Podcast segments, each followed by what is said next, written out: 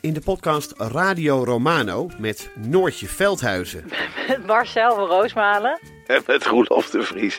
brengen we alle drie elke week een zogenaamde signalering mee. Wat heb jij nou weer bij je? En aan het eind bepalen we wie de winnaar van de week is. Echt een angstcultuur Lege huls die je er bent? Ja, dat gaat eigenlijk altijd onvriendelijk. Luister nu naar Radio Romano bij Podimo. Via podimo.nl slash Radio Romano luister je 30 dagen gratis. Je rijdt dus door een oorlogsgebied op een, op een vellig, terwijl het keihard regent en overal pikdonker wordt. Nee, we durven niet te stoppen. En eh, ja, eh, Joep is nooit bang. Joep Vermans, de kamerman, die was nu ook echt bang. Via podimo.nl slash gonzo luister je de eerste 30 dagen gratis naar Podimo. podimo.nl slash gonzo. Putin Putin was really the inventor of I mean others you could say there were there were some precedents but the inventor of the modern version of what he himself has called the Russians have called managed democracy and that essentially means fake democracy. Уважаемые товарищи, Россия миролюбивое государство. У нас нет и не может быть агрессивных планов.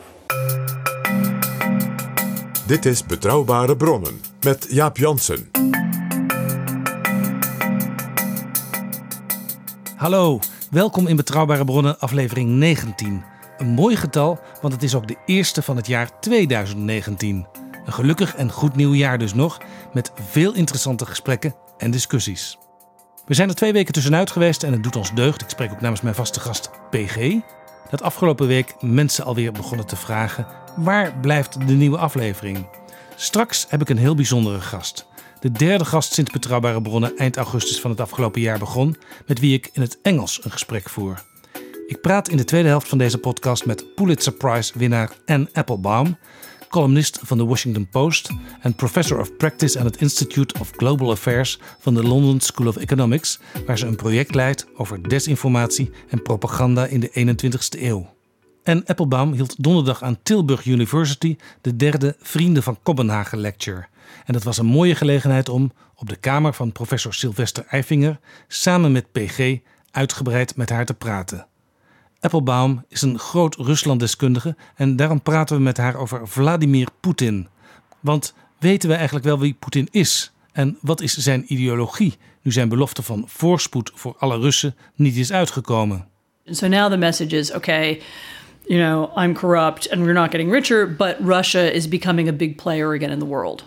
Volgens Applebaum is er in Rusland tientallen jaren lang niet zoveel haat geweest tegen het Westen als nu. the level of hateful rhetoric about NATO, about the United States, about Europe in Russia is now, I think, higher than it was in the 1970s. You know, it's and certainly the 1980s. You know, it's much worse, much more aggressive um, than than in, than anything that we can remember Omdat zijn land steeds zwakker is geworden en hij daar weinig aan kan doen, probeert Vladimir Poetin het Westen te destabiliseren met fake verhalen. De Russen zelf krijgen te horen hoe verdorven de Europese Unie en de NAVO wel niet zijn. In the EU, they say it's degenerate. Um, it forces people to be homosexuals. Um, children are taken away from their parents by the EU. Um, it um, there's quite a lot about Muslim and um, African immigration into the EU. The EU is being destroyed. Europeans are um, European civilization is dying. So this is the kind of message about the EU that is. I mean, and this is on Russian television every day you know, on, and on different kinds of channels in, in different ways. NATO, on the other hand, is aggressive. NATO wants to destroy Russia. NATO is, um, you know, is is um, you know is preparing for World War III. We need to be prepared for World War III in response, and so on. I mean, it's, it's it's, it is extremely aggressive. I can't even, uh, you know, I can't emphasize it enough. It's and, and you're right. Most people here aren't aware of it because we don't have that kind of language, um, in, you know, in response. Toch is Poetin er niet zeker van dat deze anti-westerse propaganda effect heeft. It's true that when you do polling in Russia about how Russians feel about Europe, most Russians still say they feel themselves to be Europeans. You know, and they have some attraction. And this is, of course, exactly why Putin is so negative about Europe because it's that attraction. You know, we want to be Europeans, we want to be part of that culture. Um, this is what Putin is afraid of because if the culture is European, democratic, um, liberal institutions, open, tolerant, you know, all that, you know, that's attractive to people. Om het Westen verder te verwarren, probeert hij nationalisten en andere extremisten hier te helpen. Bijvoorbeeld om straks na de Europese verkiezingen een groot blok te kunnen vormen in het Europees Parlement. And the problem with, I should say, a far right or you know extremist bloc in the European Parliament um, isn't just that it would be pro-Russian, although it would be. Um, it would also be anti-European, and it would an anti-European in a destructive way. I mean, I think we can all agree there are things we'd like to change about Europe. You know, every country has a different reform program. Uh, you know, I would like it to run in a different way. I'm sure you would as well. But that's different from this entirely destructive. Um, let's take it down, let's destroy it. It's, it's not or, barbarians at the gate, yeah, but already inside, inside. Yeah, and let's destroy it, and also, and let's um, and let's blame it for things. You know, so in in Italy right now, for example, the EU is now the you know it's it's the everything is the EU's fault. The immigrants are the EU's fault. The bad economics are the EU's fault. Straks nog meer interessante uitspraken van Anne Applebaum, die vertelt dat de spionnen die in Den Haag werden gearresteerd bij het OPCW uit waren op het verzamelen van zoveel mogelijk dirt, waarmee tegen Rusland gerichte onderzoeken verdacht gemaakt kunnen worden. Die vuiligheid kan ook bestaan uit heel gewone privémailtjes. Alles om de vermeende tegenstander verdacht te maken. Over de vliegramp met MH17 is ze duidelijk. Daar zat het Kremlin achter. Maar dat spoor moest worden uitgewist met fake news. There were so many theories and so many crazy things being said that nobody would believe anything. In de tweede helft van deze aflevering en Applebaum.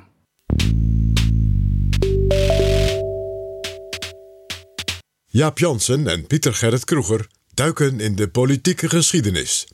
Welkom, PG. Dag Jaap, gelukkig nieuwjaar, jij en al onze luisteraars. Gelukkig nieuwjaar. Ja, ik heb deze week ook nog veel Kamerleden gelukkig nieuwjaar gewenst. Dat is toch een beetje raar zo uh, in, de, in de derde week van het jaar alweer. Maar het is elkaar, het best, elkaar het beste wensen mag altijd. Dat wou ik maar zeggen. In de laatste betrouwbare bronnen uh, blikte jij al een beetje vooruit op dit jaar. Dat deed je op een bijzondere, ja, we kennen niet anders van ja, maar een bijzondere manier, namelijk door 2019 als een soort herdenkingsjaar te zien. En je zei toen ook al dat je verwacht dat dit jaar, 2019, sowieso een groot historisch jaar zal blijken te zijn. En dat was al op 1 januari. Dus de eerste dag van 2019 maakt dit jaar, waar we dus nu net in zitten, meteen een van de grote jaren in de wereldgeschiedenis. Ik was op 1 januari niet heel erg met de wereldgeschiedenis bezig. Maar wat gebeurde er toen? Nou, uh, op 1 januari kwam er een ding dat door mensen was gemaakt. Voor het eerst op bezoek bij een hemellichaam buiten ons zeg maar, zonnestelsel en planetenstelsel. En dat precies 50 jaar, dus niet helemaal toeval, na de eerste maanlanding. En net iets meer dan 60 jaar na de allereerste zeg maar, ruimtedingetje, de Sputnik van de Sovjet-Unie in 1957. Je zegt het zo mooi, een ding van mensenhand. Wat, wat gebeurde er? Dat was de sonde New Horizons, Nieuwe Horizonten van de NASA, die in 2015 ook al iets bijzonders deed, namelijk die kwam bij het planeetje Pluto. Aan de rand, dus de allerlaatste planeet van ons zonnestelsel en planetenstelsel. Daar was dus nog nooit dichtbij uh, iets geweest van mensen. Uh, dus er waren wel foto's van Pluto, maar dat was allemaal heel vaag. En nu kwam er dus een ding dat zeer gedetailleerde, verbluffend heldere foto's maakte van dat planeetje. In 2015 uh, eh, kwam dus New Horizons. Hè, na een hele lange vlucht. Bij dat laatste planeetje, waar we dus eigenlijk weinig van wisten. En maakte daar foto's. Nou, het duurt natuurlijk altijd even. Maar grappig genoeg, door dus de, ja, de snelheid van het licht. Duurt het even, maar bewijselijk binnen enkele uren. Uh, zijn dus die beelden en die data komen dan op aarde. Wat ze meestal doen hebben daarnaast, is dat, dat als ze verpakken ze in soort datapakketjes. Uh, die worden dan verstuurd en dan ontsleuteld hier op aarde. Nou, we kregen dus voor het eerst heel gedetailleerd inzicht op die planeet Pluto. New Horizons, nieuwe horizonten. PG, uh, ik wil je toch even onderbreken, want jij roept vaak in deze rubriek. Uh, daar hoort een stukje opera bij. En daar heb je ook best wel redenen voor dan. Ik denk dan vaak van ja, we zijn geen Hilversum 4 eh, hier. Radio 4 tegenwoordig. Uh, maar toch wil ik deze keer ook even wat muziek laten horen. Want over New Horizons is een song gemaakt. En niet door de minste, namelijk door Brian May, die we kennen van Queen. Laten we daar even naar luisteren. T-minus 15 seconds. Ready? Roger. 11, 10, 9, 8, 7, 6, 5, 4, 3, 2. We have liftoff of NASA's New Horizons spacecraft.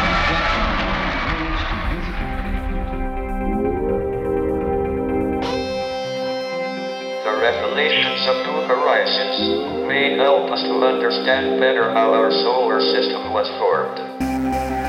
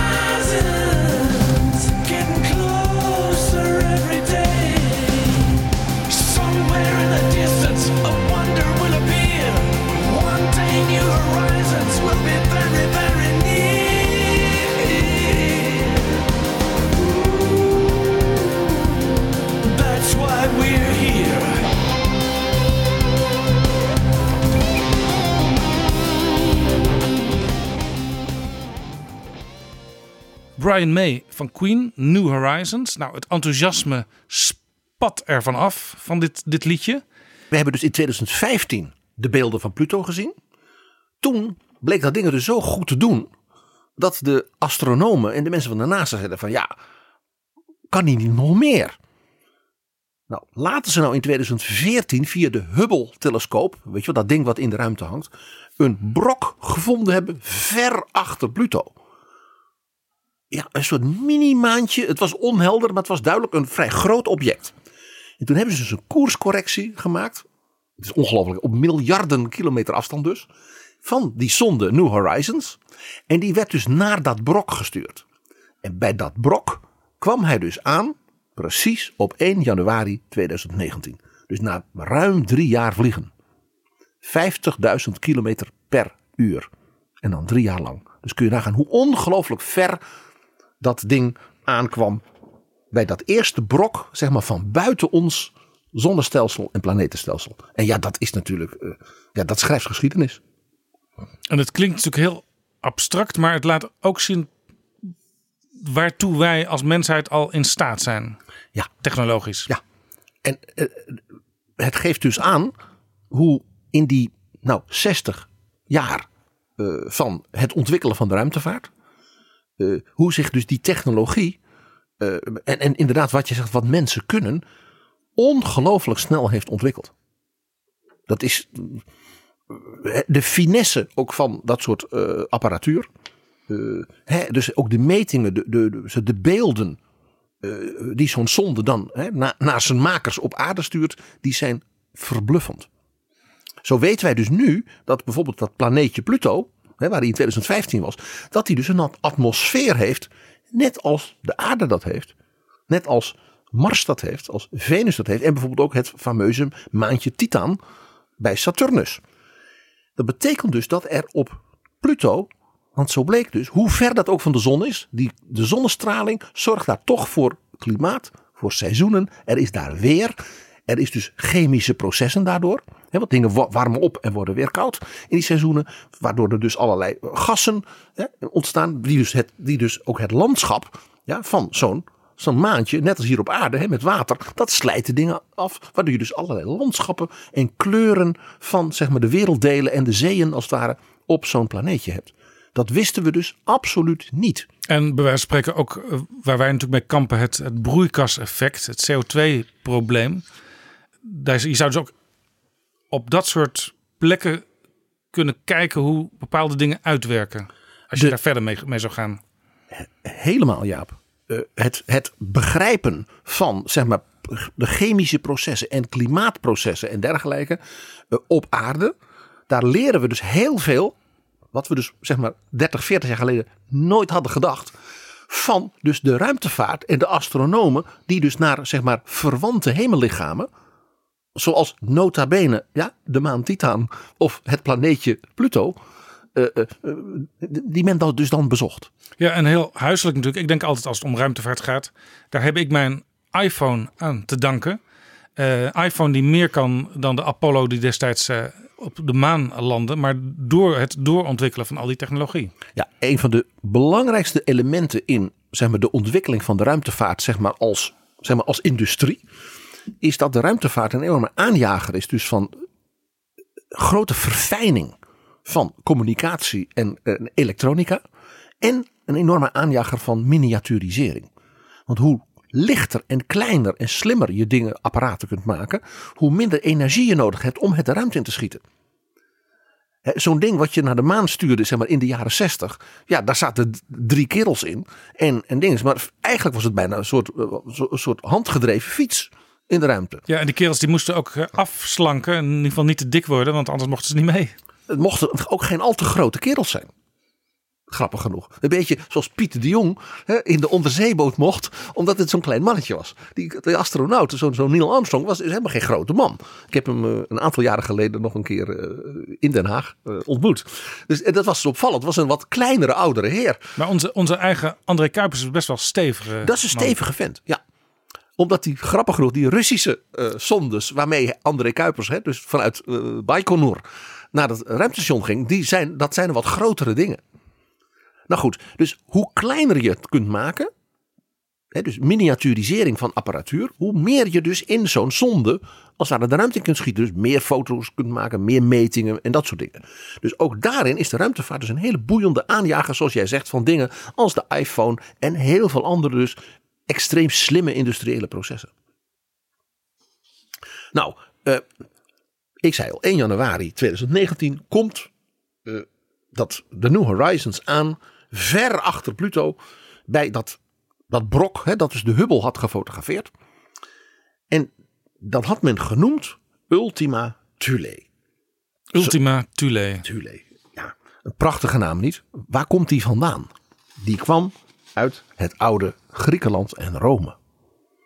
Want Ultima Thule was de naam die de Romeinen, daar weer bij wat ze hadden geleerd van de Grieken, gaven aan een ver eiland eh, in het uiterste noorden van de wereld zo zij die kenden. En die was ontdekt, dat eiland, door de Griekse kapitein Pythias. Die kwam notabene uit Marseille. Marseille was een belangrijke Griekse haven in zeg maar, de eeuwen voor Christus. En die ging dus als het ware via Gibraltar. Eh, de Grieken hadden veel handel met de tinmijnen in Cornwall, jawel. En daardoor verkenden zij dus ook als het ware de Britse eilanden. Dat eiland Thule, Ultima Thule, het verreweg, het ultieme Thule-eiland. Het eiland waar je nooit kunt komen, maar waar we wel naar verlangt om het te zien. Ja, inderdaad. Het had dus ook een sterk, bijna literair motief. Eh, vermoedelijk heeft dus die Griekse eh, kapitein de Shetlands of de Orkneys. Maar er zijn ook, eh, nou ja, historici zeggen, het kon wel eens IJsland zijn. Gelet ook op de verhalen over, in het oude Griekenland en Rome over dat eiland. Dat daar draken waren en dus die vulkanen. Dus het zou ook wel eens zelfs IJsland kunnen zijn. Nou, dus Thule werd een begrip ook in de literatuur. Eh, sterker nog, ja, we hadden het al over opera, daar komt hij weer. Eh, Goethe, nota bene, de, de vriend van Alexander van Humboldt, van de vorige uitzending, eh, die schreef een beroemd gedicht over de koning van Thule. En dat gedicht, dat komt voor in zijn toneelstuk Faust. Je raadt het al, in de opera van Gounod over Faust zingt Marguerite, Gretchen, dan ook eh, Er was eens een koning van Thule, dat gedicht van, eh, van Goethe. En dat eindigt dan in de beroemdste aria, misschien wel uit de stripliteratuur, namelijk van Bianca Castafiore, de diva die altijd het kuifje verhalen. En die zingt altijd die aria. Ah, je ris de me voir si belle dans un miroir. En nu stop ik wel met opera. Ik lach bij het zien van mijn In, mijn, in de spiegel. In de spiegel, ja. Juist. Bianca. Ja. Precies. Nou, zo Dat zie was je wel mijn favoriete figuur trouwens in Kuifje.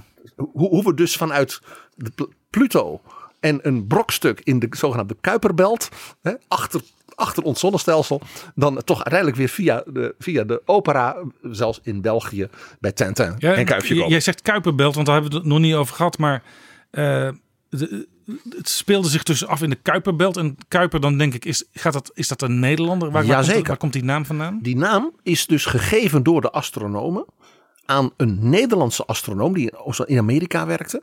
eh, eh, die dus zo, zo'n beroemd icoon van de astronomie is dat ze dus die brokstukken rondom het zonnestelsel naar hem hebben vernoemd.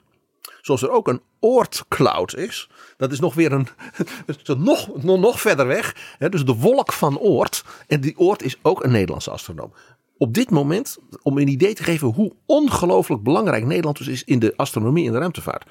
De voorzitter van de Wereldfederatie van Astronomen, dus zeg de beroepsvereniging, is Ewine van Dishoek van de Universiteit Leiden. De eerste vrouw die dat is. Ook hier weer, we hadden het er eerder al een keer over. Dat polderen, dat samenwerken ja, in zo'n vakgebied eh, is dus een echt Nederlands exportproduct. Heel vaak dus Nederlandse geleerden, Nederlandse toppers, ja, die in de wereld als het ware de voorzitter of de secretaris of, of de club leiden van alle mensen in zo'n vakgebied. Er is overigens op de maan is een krater die heet Jansen. Het zal wel Jensen zijn of zo, maar Is naar jouw voorvader vernoemd. aan. zal wel. Ja, ik heb, ik heb het nog niet uitgezocht, maar de- als ik daar een keer aan toe kom in de vakantie, Als de Chinezen daar gaan landen, dan eh, Ja. mag je mee. Ja. Nou, eh, eh, dus 1, janu- 1 januari kwam New Horizons dus bij dat naar de, het oude Grieken, de oude Grieken vernoemde brok van, dat bleek dus zo'n 35 kilometer groot. En ja, je begrijpt, vanaf de aarde via de Hubble-telescoop had men dus een heel vaag idee van, van, van ja, eh, hoe dat eruit zag. Ja, een soort, soort aardappelvorm. Ja, nou, fascinerend. We weten dus nu uit de eerste beelden die dus ja, eh, zijn binnengekomen. Er komt natuurlijk nu nog heel veel meer eh, meetgegevens. want hij, hij vloog er dus langs. Blijkt dus dat hij er eigenlijk uitziet als een soort badeend. En dat is opmerkelijk, want de fameuze komeet Chury, waar de Europeanen toen op geland zijn in 2014, zag er ook uit als een badeend. Dat was de eerste zeg maar, komeet die men van heel dichtbij heel gedetailleerd kon, kon fotograferen en meten. En het grappige is, dat we hebben nu twee dus van die objecten van Is ver dan, achter. is dat toeval? Ja, je, zou, je zou het denken, maar misschien ook wel niet. Kortom, hier zie je dus ook weer dat dus die wetenschap, eh, de sterrenkunde en, en, en dat soort dingen, voortdurend als het ware weer, nou ja, weer met nieuwe inzichten, nieuwe beelden letterlijk, moet gaan werken. En ja, dat betekent dus ja, terug, hè, back to the drawing board, eh, opnieuw gaan bekijken, wat, wat, wat, wat weten we nu? Ja, want er komen dus nu dankzij die, die foto's en metingen, eh, zeg maar, wordt de puzzel, wordt, de stukjes worden weer extra bijgelegd. Het beeld wordt scherper. Ja, je ziet dus nu door, door dus dit soort ruimtemissies. Eh, dat je dus zo dichtbij. Ja, dus hele aparte en ook verre objecten kunt komen. Dat veronderstellingen die wij dus hadden hier op aarde. van nou dat zal dan wel ongeveer zo zijn. Dat je die natuurlijk eh, moet gaan herijken. En dat je dus ook hele nieuwe details gaat zien. Waardoor je denkt, oh maar wij dachten dat het allemaal veel simpeler was. Of veel ingewikkelder was. Maar het zit dus blijkbaar zo. En dat is dus eigenlijk heel knap van, van de Amerikanen, van de NASA in dit geval. Dat dit allemaal nu heeft plaatsgevonden en nog steeds plaatsvindt. Want er komen nog steeds meer gegevens hieruit naar voren. Eh, maar ik, ik, volg Donald Trump, de president, een beetje via Twitter vooral. En natuurlijk ook via CNN en zo. Maar ik heb toch op 1 januari, 2 januari, 3 januari. Ik heb Trump niet echt zien juichen bij deze, deze nieuwe vondsten. Het is verbazend. Dat je de president, het staatshoofd bent van een land. waar de wetenschappers ja, en, de- en jou- jouw eigen ruimtevaartorganisatie. zoiets absoluut unieks presteert en geen kick. Maar ja, Trump verafschuwt de NASA.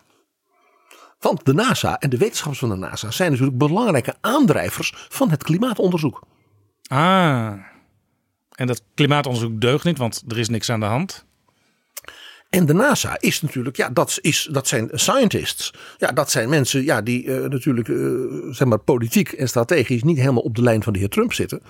En Trump, eh, ja, ja, die heeft eh, ja, waarschijnlijk ook nooit een idee gehad toen hij president werd.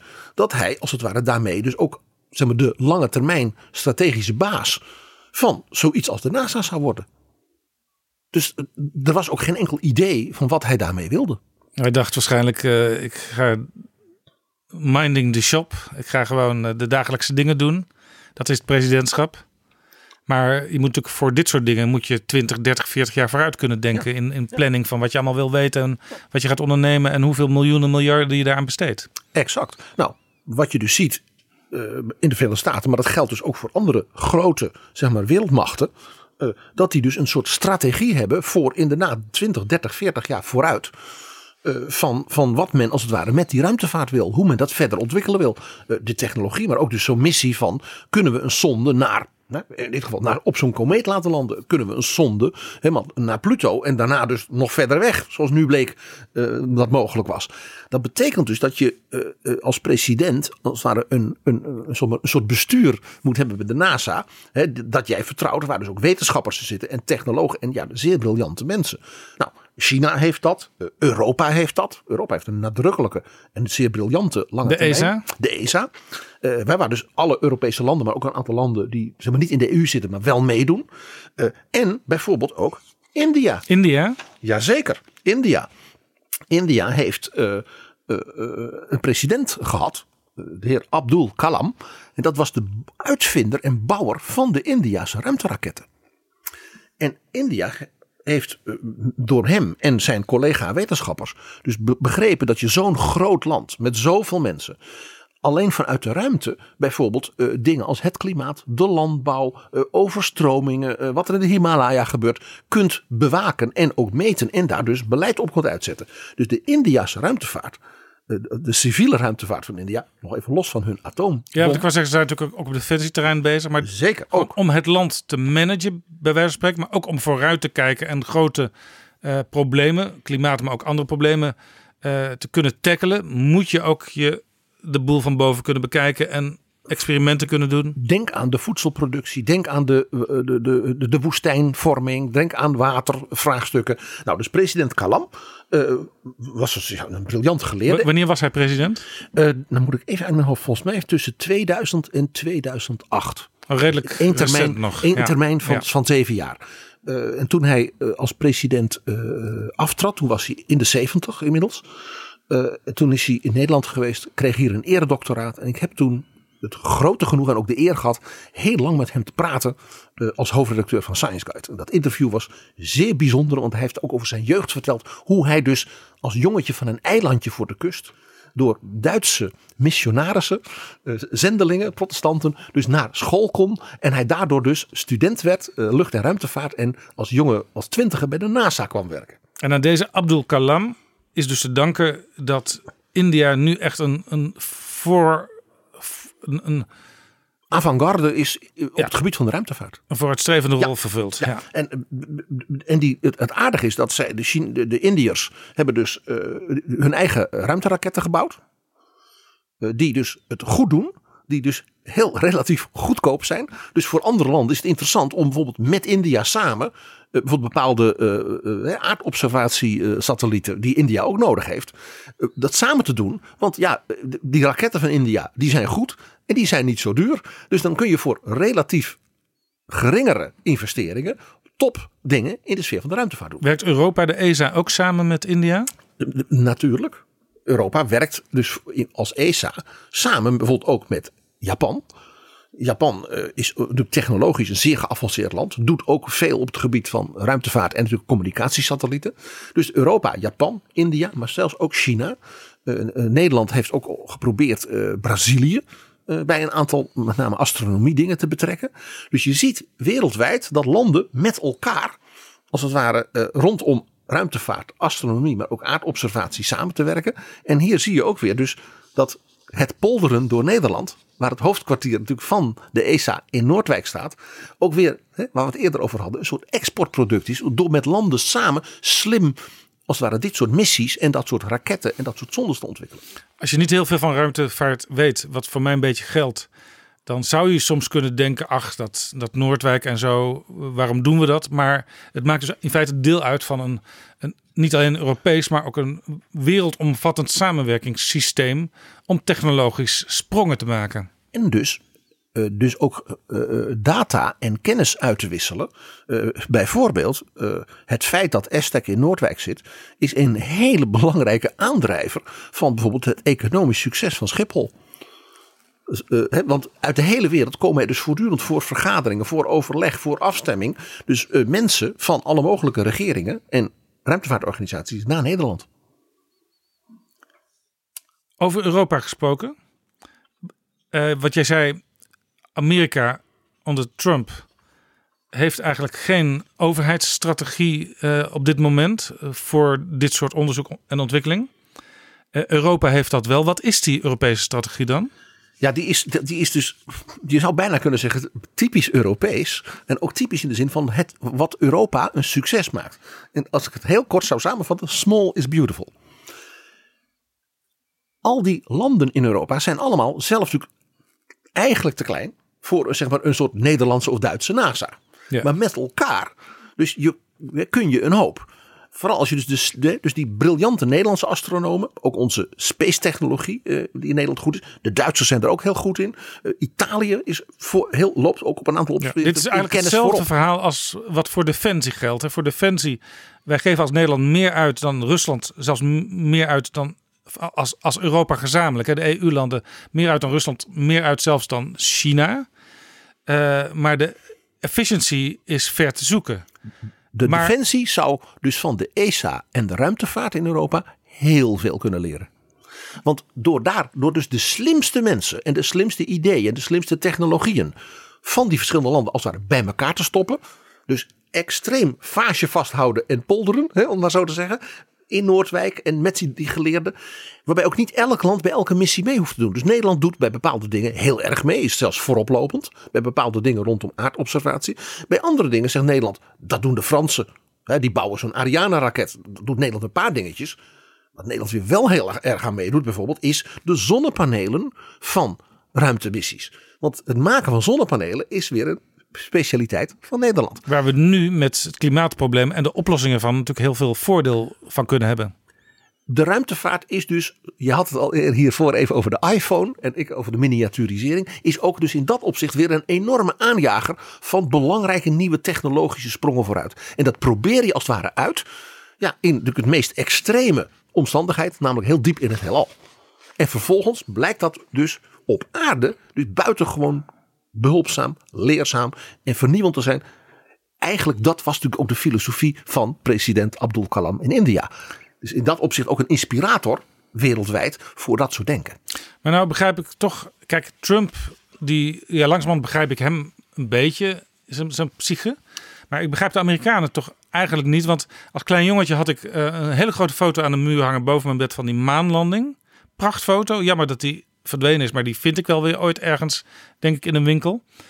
Ik had dus altijd het idee, daar ben ik gewoon mee opgegroeid. Die Amerikanen die, die lopen gewoon voor op dit soort onderzoek, dit soort technologie, ruimteonderzoek. En jij zegt nu van ja, ze doen nog wel interessante dingen zoals wat er op 1 januari gebeurde, maar de, strategie ontbreekt. Ja. Hier zie je de bekende wet van de remmende voorsprong.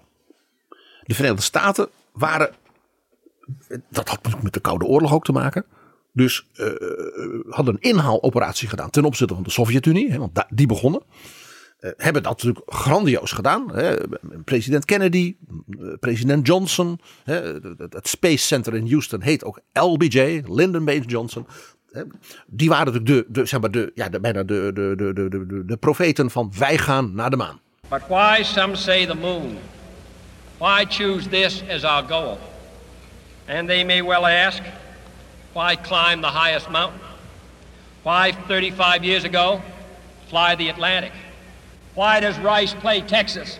We choose to go to the moon. We choose to go to the moon in this decade and do the other things. Not because they are easy, but because they are hard. Because that goal will serve to organize and measure the best of our energies and skills. Because that challenge is one that we're willing to accept, one we are unwilling to postpone, and one we intend to win, and the others too.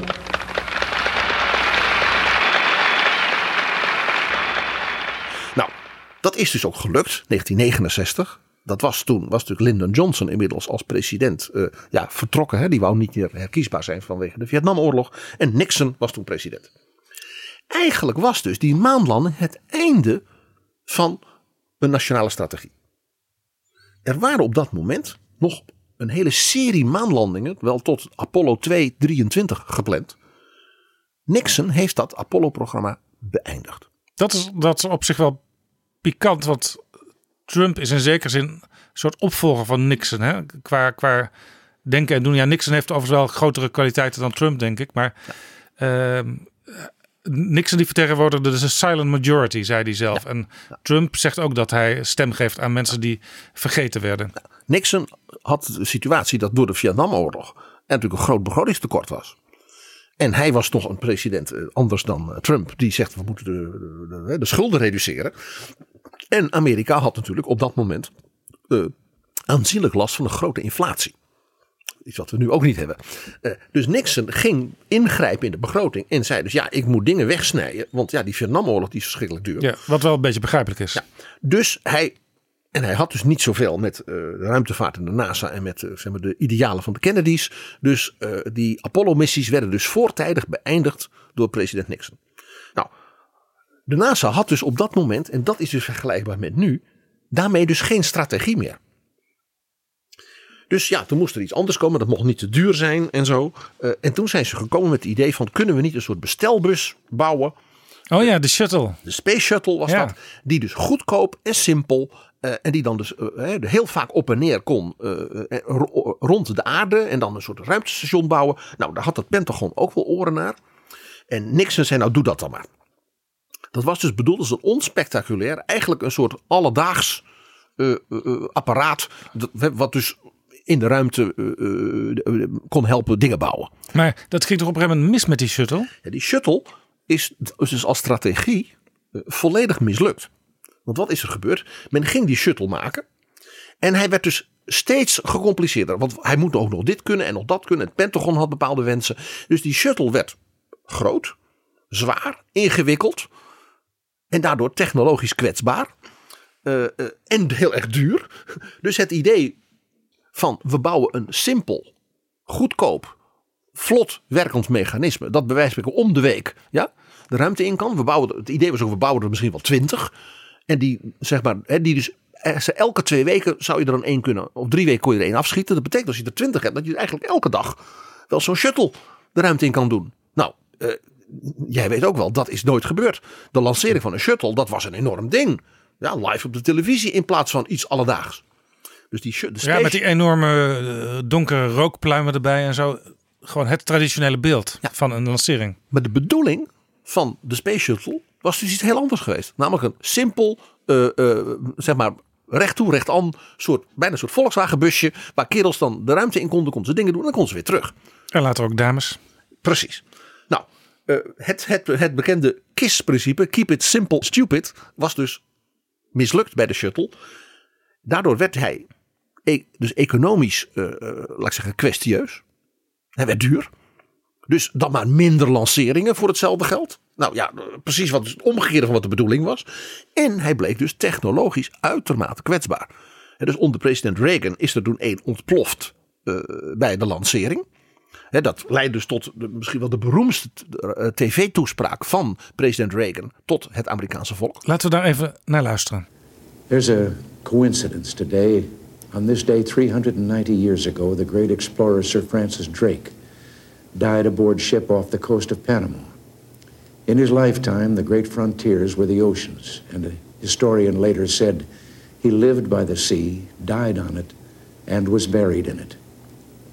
Well, today, we can say of the Challenger crew, their dedication was, like Drake's, complete. The crew of the Space Shuttle Challenger honored us for the manner in which they lived their lives. We will never forget them, nor the last time we saw them this morning, as they prepared for their journey and waved goodbye and slipped the surly bonds of earth to touch the face of God. Thank you. Dat was president Reagan. Nadat een space shuttle neergestort is. Er zijn zelfs twee toen neergestort. hè? Ja, dat is onder president Bush junior. Eh, is de is er een tweede Space Shuttle. Eh, eh, die is dus bij het binnendringen in de atmosfeer van de aarde. Is die dus aan stukken ge- ge- ge- geploft. Eh afschuwelijke gebeurtenis was dat. Het bleek dus dat het hitteschild van die Space Shuttle. Dat die dus zo kwetsbaar was. Dat er een gat in was ontstaan. Nou, dus die enorme hitte en druk van het intreden in de atmosfeer leidde ertoe. Dus dat, dat die in, in stukken is uitgebarsten. En over heel Texas, de staat van natuurlijk Houston en van het space-programma van president Johnson. Dus over heel Texas, overal, ja, lagen dus brokstukken van die shuttle. Grote stukken, kleine brokjes. eh, bij mensen in de tuin, in, ja. En die moesten dus allemaal bij elkaar gebracht worden. Om dus te reconstrueren wat daar gebeurd was. Kan het, kan het feit dat die twee eh, shuttles neergestort zijn ermee te maken hebben dat er niet meer wholeheartedly eh, aan dat onderzoek gewerkt werd? Of ga ik dan te ver? Nee, dat was het niet. Nee, dat was het niet. Het was gewoon eh, de Space Shuttle als, ontwerp. Ja, was dus zo complex en, en ingewikkeld en duur gemaakt. Precies wat dus niet de bedoeling was. Het was dus eigenlijk een uiting van de, de mislukte strategie met de shuttle. President Bush junior, zelf een man uit Texas, heeft toen, en dat is wel politiek buitengewoon dapper, gezegd: wij gaan stoppen met dit programma. Dit werkt zo niet en is, het is te gevaarlijk. En je kunt het eigenlijk dus wetenschappers, hè, astronauten, niet aandoen in zo'n ding te stappen. Hmm. Dat is onverantwoord. Dus George W. heeft hier een einde aan gemaakt. Ja. Nou, dat betekende dus eh, dat de Verenigde Staten op dat moment dus in feite geen zeg maar, ruimtevaartstrategie meer had. Tegelijkertijd, in diezelfde periode, werd dus duidelijk dat wat Europa deed met de ESA, hè, dus slim eh, landen bij elkaar brengen, het de allerbeste ruimtevaarttechnologen en astronomen zondes laten ontwikkelen, miniaturisering, klein, slim, licht, ja, dat dat zeg maar, de wave of the future was. Dus de Europese strategie bleek toen als het de- ja, de, de strategie voor de toekomst te zijn. En de Amerikanen waren dus ja, eigenlijk eh, met het einde van de Space Shuttle ja, waren, ze, waren, ze, waren, ze, waren ze weg. Maar Tr- Trump heeft nu toch aangekondigd dat hij een Space Force voor de defensie wil gaan, gaan bouwen. Een soort opvolger van de Star Wars van Ronald Reagan. Eh, nou, het is vooral een op- een opvolger van de films uit de jaren zeventig. Eh, de, de Space Force heeft wel al een logo, maar er is geen geld. Er is geloof ik een miljard of twee, drie gereserveerd om ja, iets op te bouwen. Het is dus Ja, voor een paar miljard kun je alleen een groot hoofdkwartier neerzetten, meer niet. Het is window dressing. Eh, de Verenigde Staten zitten dus nu helemaal klem.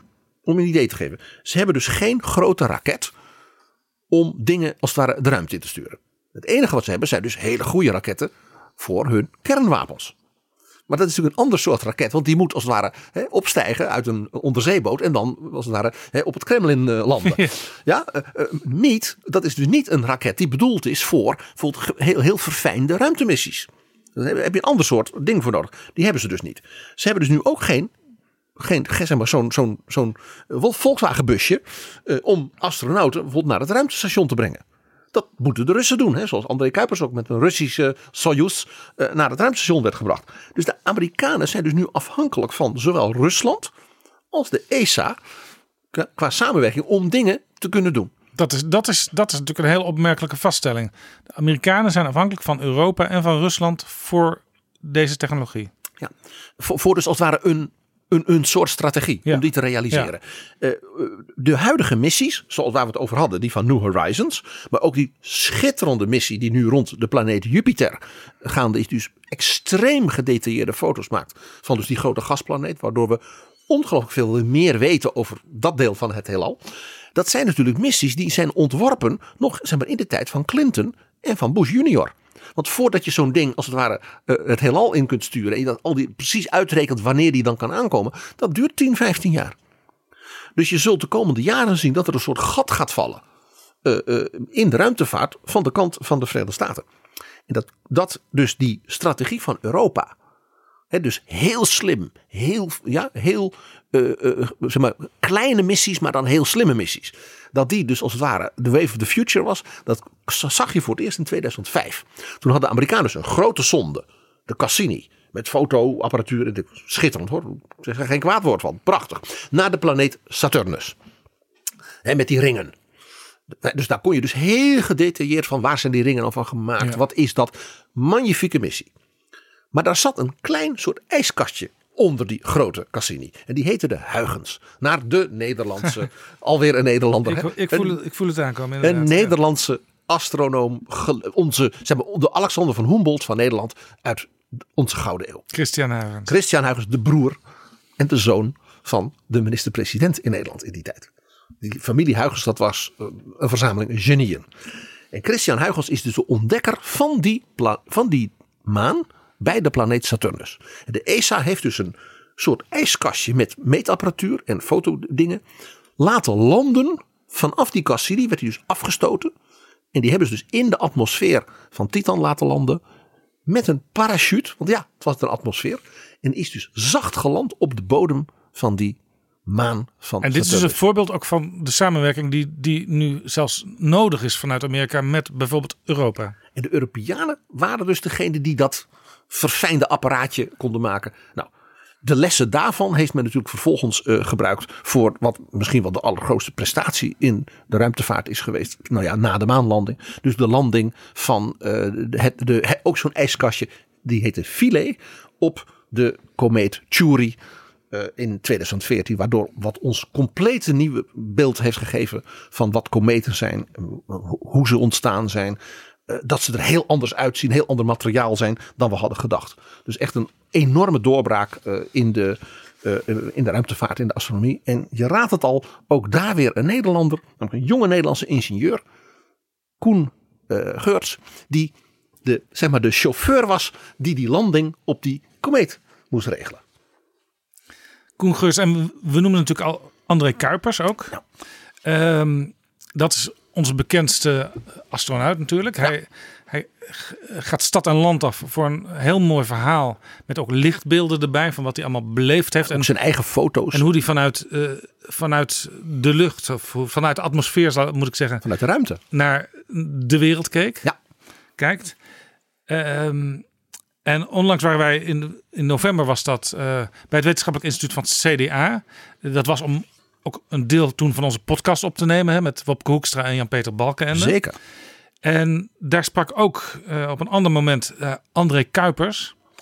En die, die, die legde eigenlijk uit wat er allemaal gebeurt als je in zo'n zo'n ruimteschip zit en ja, hoe, hoe belangrijk dat is. Ja, en hij onderstreepte daar met buitengewoon interessante eh, ook data, gegevens en beelden van hoe Nederland dus als topland van de astronomie en van space technologie dus tot de, ja, de meest vooraanstaande eh, kennisnaties behoort, juist op die terrein. En al die lessen waar we het dus eerder over hadden van de ruimtevaart, met name ook voor de Nederlandse industrie, de Nederlandse wetenschap, Nederlandse bedrijven, eh, ja, een van de belangrijkste zeg maar, aanjagers van vernieuwing zijn. André Kuipers is dus een medicus. Hij wist dus als arts eh, ruimtevaarder gemaakt, om maar zo te zeggen. Is daardoor dus ook, lach niet, officier van de luchtmacht van Rusland. Want alleen een Russische soldaat, een militair, mag naar dat ruimtestation van de Russen. Dus hij heeft zich, als het ware, hij heeft dus eh, een officiersrang gekregen in de luchtmacht van, van, van Rusland als Nederlandse medicus. Ik eh, hoop dat we André nog een keer in betrouwbare bronnen mogen verwelkomen. Het zijn prachtige verhalen die hij heeft. Nou Jaap, ik, ik hoop van harte, want André heeft een geweldig verhaal, is ook een echte visionair. En ja, André Kuipers laat dus zien eh, wat, wat wij als Nederland, als Europa eh, kunnen betekenen in samenwerking, in dit geval ook met de Russen.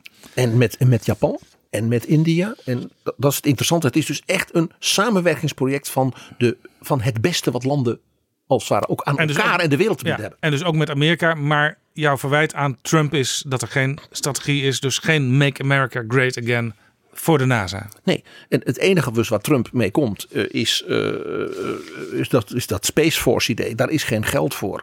Dus dat is, ja, nou ja, wat ik al zei, window dressing.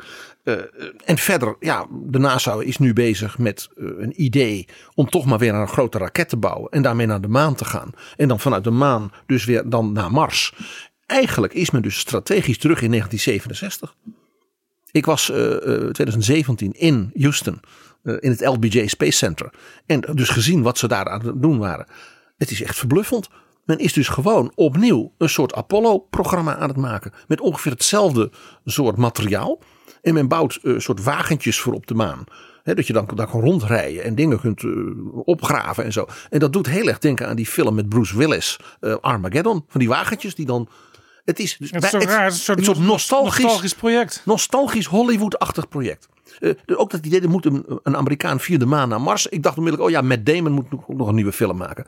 Het is heel merkwaardig dat terwijl dus de, st- de strategie van landen als, zelfs een land als India en van Europa en van de Chinezen, ja, dus is van een veel, zeg maar, veel omvattender geheel. Ja. De Amerikanen dus als het ware terugvallen op iets van, nou ja, van 50 jaar Het geleden. komische is natuurlijk, Ronald Reagan was een acteur, Hollywood, die de politiek inging.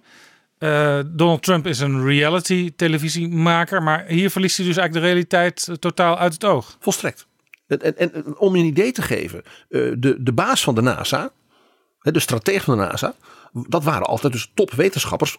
Later ook mensen die bijvoorbeeld zelf astronaut waren geweest. We hebben natuurlijk, de, de, eerste grote strateeg was natuurlijk Werner von Braun. Ja, die dus, het idee van dat Apollo-project kwam natuurlijk ook van hem. En Trump heeft dus ook een baas van de NASA benoemd. Want die man van Obama moest natuurlijk weg. Hè, Dat was een wetenschapper. Uiteraard. Ja. En heeft dus een, een, een zakelijke crony van hem benoemd. En die man wist zo helemaal niets van ruimtevaart en dat soort dingen. Hij moest natuurlijk vooral bezuinigen en eh, saneren met dat gedoe met het klimaat. Dus wat heeft hij gedaan? Hij nodigde een collega uit een ander land uit. Dus de chef van de NASA van een ander land. En je raadt het al, uit Rusland. Natuurlijk niet die van de ESA, maar de man uit Rusland. Wat bleek nu? Die uitnodiging hebben ze er moeten intrekken. Want dat bleek een oligarch te zijn, heel dicht bij Poetin, die op de sanctielijst staat vanwege de MH17 en de inval in de Krim. Dus die behoort tot de, als het ware de ergste Russische boeven, om het maar zo te zeggen, van het regime Poetin. Dat wist dus deze man van de NASA en Trump helemaal niet. Ongelooflijk, echt. Ja. Nog interessanter daarbij is dat het, de regering Poetin op het punt van dus technologie, ruimtevaart eh, en dergelijke helemaal geen interessante gesprekspartner van de Amerikanen is. Want Poetin heeft ongeveer alles geschrapt. Want ze kunnen het gewoon niet meer betalen. Nee, nee, Rusland is natuurlijk toch aan de bedelstaf, eh, zou je kunnen zeggen. Het enige wat ze dus nog doen in de ruimtevaart is natuurlijk voor de defensie. Dus dat is de spionagesatellieten en eh, de raketten voor de atoomwapens. Ja, dat doet een atoommacht. Zelfs India doet dat. En ja, dat ruimtestation. Dat onderhouden de Russen met hun Soyuz-raketten om die mensen erheen te brengen. Maar ja, dat betalen andere landen dus. Ja, en dat is dan ook een beetje nostalgie misschien voor, voor de Russen. net, als, net als bij de Amerikanen. Maar in feite is er dus. In die zin lijken Trump en Poetin dus wel op elkaar. Dat ze dus geen lange termijn strategie hebben. ten aanzien van de ontwikkeling van de wetenschap, astronomie en ruimtevaart. Ze moeten het hebben van, van Europa, van India, van China, van Japan. Canada is een heel belangrijk land ook op het gebied van de technologie.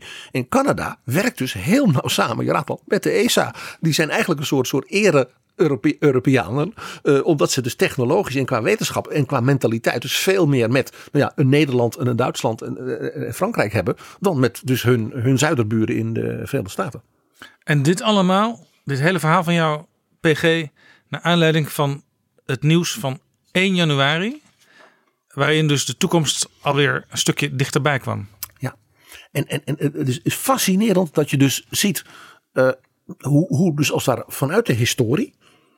Denk ook aan een Christian Huygens. En, hè, dat- ook een soort Nederlands bijna DNA in het ontdekken van dingen in de ruimte. Door geniale Nederlanders. Huygens, nou, Kuiper, Oort, nu mevrouw Van Dishoek. Maar ook zo'n Koen, hè, die wij Koen de Kometenlander eh, noemden. Zo'n jongen, die, je doet het toch maar hè, dat je dat kunt. Nou, waarin Nederland dus echt een vooraanstaand land is. Wat dus een enorme aanjager is van onze innovatie, onze industrie en onze wetenschap. En dat zag je dus twee, drie dagen na dat bijzondere moment van New Horizons bij Ultima Thule. Dat de Chinezen op de achterkant van de maan landen. Met een heel mooi apparaatje. En in dat apparaatje van de Chinezen, wat zat daarin? Een onderzoeksproject van de Radboud Universiteit in Nijmegen. En zo zie je weer, het polderen, het samenwerken blijft voor Nederland een exportproduct. Dat je ook met de Chinezen op de achterkant van de maan samen dingen doet. We houden het vaasje wat dat betreft ook weer in het heelal vast. Met een hele kleine kanttekening, want ik wil je positief verhaal niet verstoren. Maar je moet ook wel uitkijken met bijvoorbeeld de Chinezen. eh, die kopiëren alle technologie die ze tegenkomen. En gaan er mee aan de haal. Eh, dus dat, dat moet je altijd wel in het achterhoofd houden.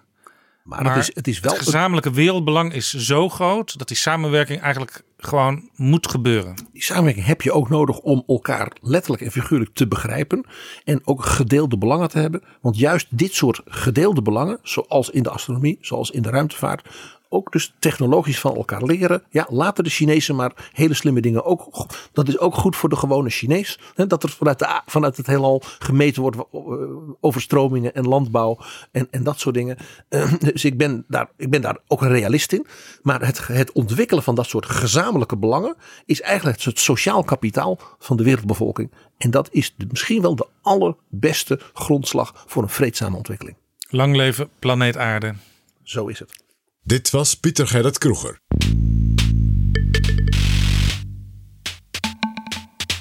Beste luisteraar van Betrouwbare Bronnen. Mocht je na het luisteren van deze podcast nog andere podcasts willen luisteren, stem dan ook eens af op Wel eens Niet eens, de podcast. Je vindt hem op alle kanalen behalve Spotify. Ik ben trouwens Jeroen Pen, journalist. Ik ben Jenas Ramatar Singh, publicist. En Jennis, ik vind jou totaal geradicaliseerd richting rechts. Ik vind jou hemeltergend gehersenspoeld door links. Wel eens Niet eens, de podcast is een podcast over Wel eens Niet eens. In tijden van polarisatie gaan we toch het gesprek aan. Eh, was dat leuk, Jennis?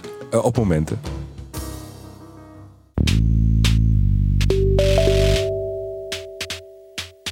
Dit is Betrouwbare Bronnen met Jaap Jansen. Dear listeners, it's a great privilege to have Anne Applebaum as my guest. Anne Applebaum is a Washington Post columnist. She also runs a program on disinformation at the London School of Economics and is a Pulitzer Prize winning author, writing international bestsellers. Her last one read Famine Stalin's War on Ukraine. Anne lives in Warsaw and in London. Welcome, Anne Applebaum. Thank you. And of course, welcome, PG. Dankjewel, Jaap. And let's talk about Vladimir Putin.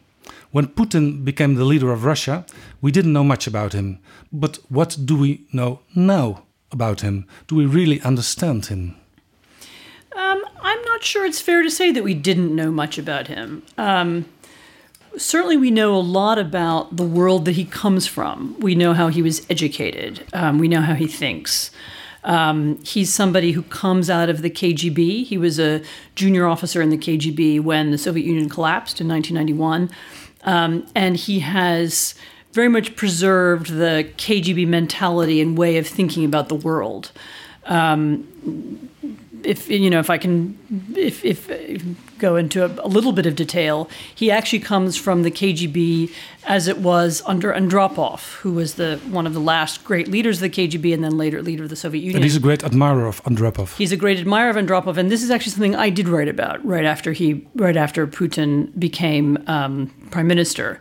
Um, Andropov was somebody who believed that the way forward for Russia was to focus on economics and to crush all forms of dissent. And he's also somebody who, because he'd lived through the um, 1956 revolution in Hungary, where he was at that time the ambassador to Budapest. That sounds a little bit like the Chinese way. Yeah, a little bit like the Chinese, very much like the Chinese way, and and also he had a sense of. Andropos was very conscious of how the ideas of democracy can catch on and lead to revolution. That's what they saw happen in Hungary in 1956, and of course that's what Putin saw Czechos- happen in Germany, Czech- Czechoslovakia. Czech, yeah, but, but this, but this, Andropov specifically talked about Hungary, Ah. and and um, Putin himself lived through the same experience in Dresden, which is where he was based in 1989. So this this understanding of how the you know what look like little groups of people or intellectuals talking about democracy, you know, can suddenly lead to a revolution. This is something Putin had taught him, and something he then saw in real life. And I think those are the really formative set of ideas that um, that shaped him. He's somebody who um, he very much sees the world in the way a secret policeman would see it. So um, there are secret forces acting, and you know nothing is ever by accident. So um, the the um, you know the, the the the people standing in the square, they're not just protesting because they don't like you. They're protesting because the CIA has organized it. And he is very much, you know, he, he's a conspiracy theorist. He talks about how Hillary Clinton has organized demonstrations in Russia. Uh, you know, he, he believes that the demonstrations in Ukraine were organized by outsiders and so on. So, I mean, so the, the idea that we didn't know anything about him, I think, is wrong. I mean, we have a we have a clear idea of the mentality he comes from, and and his background. He himself has has has spoken about who he admires and what he cares about, and I think he's playing that out every day. So that's also the reason that he doesn't like foreign organizations on his soil. He, he's somebody who doesn't believe that there is such a thing as a benign civic organization. He doesn't believe that, I don't know, the, the, the National Endowment for Democracy or the Dutch government, when they invest in, I don't know, people who are fighting for trade union rights in Russia, he doesn't believe that those are benign investments intended to improve the lives of Russian people. He thinks those are intelligence operations. So any any investment in Russia, any presence in Russia, those are all intelligent. Either they're intelligence operations or they're cynical businessmen, and they can be bought out. So there, it's a, it's an extremely, I mean, a kind of profoundly cynical view of the world. That everything, you know, everything is a zero sum game. You know, if foreigners are in Moscow, it's because they want to overthrow the Russian government. It's not. There is no in in that worldview. There is no space for, you know, cooperation or people working together at all. Is this view an ideology or, or is it just cynical pragmatism? I think at this point it counts as an ideology. It has a you know it has a domestic face. It has an international face. It has a theory of history. It has a explanation for human behavior. I think it's an ideology. It's an ideology about. Um, uh, you know, the, um, as I said, zero sum game. That means there are only winners and losers. Um, the world is divided into people who support me and don't. Um, there's a whole there's a whole domestic um, apparatus to it as well. I mean, Putin Putin was really the inventor of. I mean, others you could say there were there were some precedents, but the inventor of the modern version of what he himself has called, the Russians have called managed democracy, and that essentially means fake democracy. So everything in the Russian political spectrum is orchestrated. So there's a there are opposition parties, but they're somehow under the control of the Kremlin. There are um, with one or two tiny exceptions, there's a, there's a range of newspapers. They they espouse many views. They have different styles. They're tabloids. They're business papers, but essentially they're all under Kremlin control. In other words, there's the appearance of competition, but in practice, everything is under control, and that is very much again a kind of an intelligence officer's way of wanting to control the situation. I read in one of your columns how the democratic process is managed. And you wrote, in Russia, voters are at no stage allowed to intervene in that process. That's, that's very hard. Yes, no, the, the, the process is set up in such a way that we know who will win. Um, there are some, again, there are some exceptions at the local level. They've allowed some, you know, some changes to happen inside the system, and they do pay a lot of attention to public opinion. They care a lot about it. So, you know, so I don't want to say they don't, but um, but the election, an election is something that is a big orchestration, and the point of it is to create the appearance of legitimacy, so that Putin can have a triumphal post-election moment where he stands on stage and everybody cheers him and he appears to have been legitimated once again. And this is a but every stage of the process from picking the candidates to deciding what will be discussed to deciding what the newspapers will write, deciding what the what the big issues will be, everything is already managed in advance. There is one word I always hear and read when I read things about Putin and, and that's fear. It, they must be so afraid they are afraid. I mean, it's it's not the same kind of fear that you had in the past. This is not Stalin's Russia. Um, Putin actually, with some important exceptions, mostly tries to avoid mass violence um, because he knows that violence creates a counterreaction. Um, instead, he's used um, kind of targeted violence. So there are people who are made examples of, like the journalist Anna Politkovskaya or like the politician Boris Nemtsov. You know, so he will focus on one. You know, and the idea is if you murder one journalist, then you frighten everybody else. You don't need to murder 300 journalists, which is what Stalin would have done. So it's a it's a different attitude towards managing fear. And you don't have. I don't think people. I should also say that in in Russia. The, you know, in private life, people are free to say what they want. I don't think there's this I don't think private life has been. Putin is not trying to control every aspect of life in Russia the way that the Communist Party once did. He's not. It's not the Stasi. It's not the Stasi. It's not Stalin. It, you know, they. You know, you can say inside your house with your friends, you can say whatever you want, and in fact, you can even write in a newspaper whatever you want, as long as not too many people read it. So there's a there's an outlet for intellectuals, for dissidents. They're allowed to say stuff. They're allowed to make movies or or do you know performance art or or have art galleries or something like that. But and there's a there's a sort of you know way in which they're allowed some little bit. But as soon as that rises to the level of a mass movement or a strike or something that's big, then there's a crackdown. Russia, with 145 million inhabitants, has an economy of the same size as the Benelux, Hmm. and we have uh, 27 million people. So it's it's very weak. Is is that also the reason that uh, whilst he cannot grow uh, his own economy, he wants to weaken the European Union. He wants to weaken America. So that's part of the reason. That let me- add another layer of complication. So yes, it's true that um, the economy is weak, and this is a problem for him because in his first ten years in power, um, his message to Russians was essentially, "Okay, I'm corrupt. Stuff, you know, life is unpleasant in many ways, but at least you're all getting richer." And that was kind of the that was the package that was sold to most Russians, and for a lot of people, that really was important.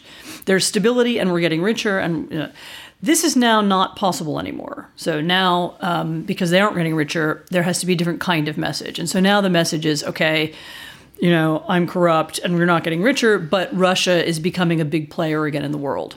And this um, is part of the explanation for the invasion of Ukraine, for the invasion of Syria, um, and so on. I mean, I think the the the attack on Euro, the European Union and NATO and the international organizations that make up the West has another reason to it as well, though. Um, namely, that I started out by saying that what Putin, as a former KGB agent and a former student of Andropov, really is afraid of is this language of democracy. You know, the way in which it can move people, the way in which it can create street revolutions, the way in which it can create movements for justice. When people really are going to behave themselves in a democratic way. Right. He and so he really is afraid of that. So it's not that he's afraid of NATO's weapons or, you know, the he doesn't I don't think he cares at all about what tanks we have and so on. I mean he's he you know, he could he could he knows perfectly well that he could um, if he really wanted to, he would win a European war very quickly, at least in the first stage, you know, before the Americans got here. Um, but, what he is afraid of is this language of democracy and the symbols of democracy. And so, why was he so upset about the Maidan revolution in Ukraine in 2014? Because that was his nightmare. Look, there were young people, they went down to the square, they were waving EU flags, and they were saying, you know, and, and, and they were calling for an end to corruption. Um, then what happened? The president fled the country. They they all went into his his vulgar house and they took pictures of the gold taps, you know, and the and the The zoo. and the, and the zoo and so on, and the photo pictures, and they made fun of him. This is Putin's fear: is that that will happen in Russia. And Ukrainians aren't that. You know, they have a lot in common with Russians, they in mentality and in you know culture, and nobody's ever denied that. And so, if Ukrainians can do that, then of course Russians can too. And he's he's afraid of that kind of movement or that way of thinking undermining him. And so, what is his plan been for the last several years, and which has, by the way, been been ranked, you know, kind of pushed up and, and sort of quadrupled and quintupled recently? It is to undermine European democracy and the institutions of European democracy in any way that you can. And this is the this is the reason why he engages in support for the far right in some countries, for the far left in some countries, He doesn't care eh, whether it's far right no, or far this left. is in this sense, it's not ideological. The ideology is anti-democracy, and so he will support. Um, I mean, I think the far right has worked better for him, and so you see in the in the work that my me and my colleagues at LSE have done, we've seen. Um, we see a lot of Russian support going into online support going to far right movements in, in different European countries. Um, but but he doesn't. You know, if it's going to be the far left that's destabilizing, he would support them. He supports you know the the Russian um, Russian online trolls and and their different intelligence operations that support independence for Scotland, you know, or independence for Catalonia. And that's because all these things are destabilizing. And what they want to do is to destabilize the West. They want to undermine it. They want to make, you know, they want the US to leave Europe. They want the European Union to fall apart because then it ceases to be an ideological challenge to Russia. And it, and it is an ideological challenge to Russia. He's, he perceives it that way and he's not wrong. In the new European Parliament, uh, after the elections in May, um, can exist a, a, a bigger uh, Putin bloc. Do you think that that can be a big problem for Yes. the Parliament? Yes, I think it can be. Um, I mean, one has to be very careful. So, Putin does not invent parties in Europe for the most part. There are little tiny exceptions. You know, he did not invent Marine Le Pen. She's been part of French politics for decades. He did not invent Wilders. He did not invent. Um, you know, actually, he may have had. There may have been a bigger hand in the AFD, but they, but for the most part, they don't invent these movements or moods. They these are authentic, you know, things that come from European politics. What he does try to do is augment them, fund them, um, support them online, make them louder, amplify them with both both officially, which is there's no secret that he does this with Russian um, Russian state media like Sputnik and RT and the other um, the other organs that he uses, but also covertly through fake accounts and and so on. This is what he did in the U.S. elections, what he did in the French elections. What and I'm also, by the way, I'm saying he, but I should be saying the Kremlin. It's not. It's not Putin. Here, here in Holland, Geert Wilders says, I'm not in the pocket of Vladimir Putin. I'm my own man. sure. Um, um, but is is are are Putin backed um, trolls supporting builders online? I mean, I, I, I don't doubt that they are. Like I haven't I haven't looked myself. I haven't worked on the Dutch internet, and I but knowing a little bit about. Um, the way, for example, your strange referendum on Ukraine happened and the way it unfolded um, a couple of years ago, you know, I, of course, Putin has looks at. I mean, Putin, the Kremlin, of course, Russian Russian internet operations look at the Netherlands and are interested in what happens here. Um, you know, I mean, and and Wilders, you know, may not take money from Russia directly, but Marine Le Pen does. I mean, there's no, there's actually been no secret about that. Once French newspapers exposed that, it's it's been since then it's been pretty clear. And some some of those uh, Putin versteers are also in the European Council. And the problem with, I should say, a far right or you know extremist bloc in the European Parliament um, isn't just that it would be pro-Russian, although it would be. Um, it would also be anti-European, and it would an anti-European in a destructive way. I mean, I think we can all agree there are things we'd like to change about Europe. You know, every country has a different reform program. Uh, You know, I would like it to run in a different way. I'm sure you would as well. But that's different from this entirely destructive. Um, let's take it down. Let's destroy it. It's, it's not Or- barbarians at the gate, Yeah. but already inside, inside. yeah and let's destroy it and also and let's um and let's blame it for things you know so in, in italy right now for example the eu is now the you know it's it's the everything is the eu's fault the immigrants are the eu's fault the bad economics are the eu's fault and it's a way of deflecting blame from forces inside Italian society. It's, it's, a very classic. Um, it's a classic technique, and it actually happens in every country. It's little. It's what it used to happen in Britain, um, and we saw where that has led as well. You talked about the Russians intervening in international organizations. Uh, in October last year, the Dutch arrested a bunch of Russian spies besides the OPCW, the Organization of the It was, Prohibition it was a brilliant coup. of Chemical actually. Weapons. Yes. A brilliant coup. Let, let me tell you, I have a very strong personal interest here. It happened almost directly in front of my house. Oh, really? The parking lot where these Uh-huh. guys tried to Yeah, yeah. is sort of sort of a little off from my house. It's incredible. So what I what I what was really interesting about that, I think I, I may have written this at the time. Um, I either wrote it or said it. I can't remember now. But um, what was interesting about the way that was done, what I really admired the Dutch police for, was the way in which they, first of all, you know, very systematically followed these people, you know, tracked them, photographed them, carried out the arrest. But then the press conference where it was revealed was a kind of was a fantastic counter disinformation operation. You know, stage by stage, you had these very solemn military guys, very you know, completely straight faced. Very straight, ve- ve- very, straight. very, mm, and then and then the, the, the minister of defense, a mm-hmm. lady Yes. who was extremely harsh, which was very funny. But it was, but and then and kind of one photographed after another, after another, after another, kind of exposing them and making them really look foolish. And this was I, for a lot of people, I think, who had doubts about the Skripal case, or you know, to, this was a kind of ah, okay, you know, this this kind of serious Dutch institutional exposure of how this kind of stuff works, step by step, picture by picture, um, was very useful, including the taxi.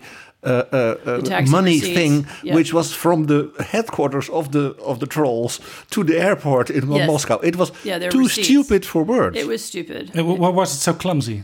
You know, as, as a friend of mine likes to say, you know, all these operations, you know, when they succeed, they seem like the most brilliant capers possible. And then when you expose them, they seem ridiculous. I mean, um, you, you know, I mean, I think one of the, although I think the the GRU, it is true, I think seems to be now under orders to do things very fast and work very quickly. GRU is the military. Sorry, the GRU is the is the Russian is the is military intelligence as opposed to the FSB, which is the domestic intelligence.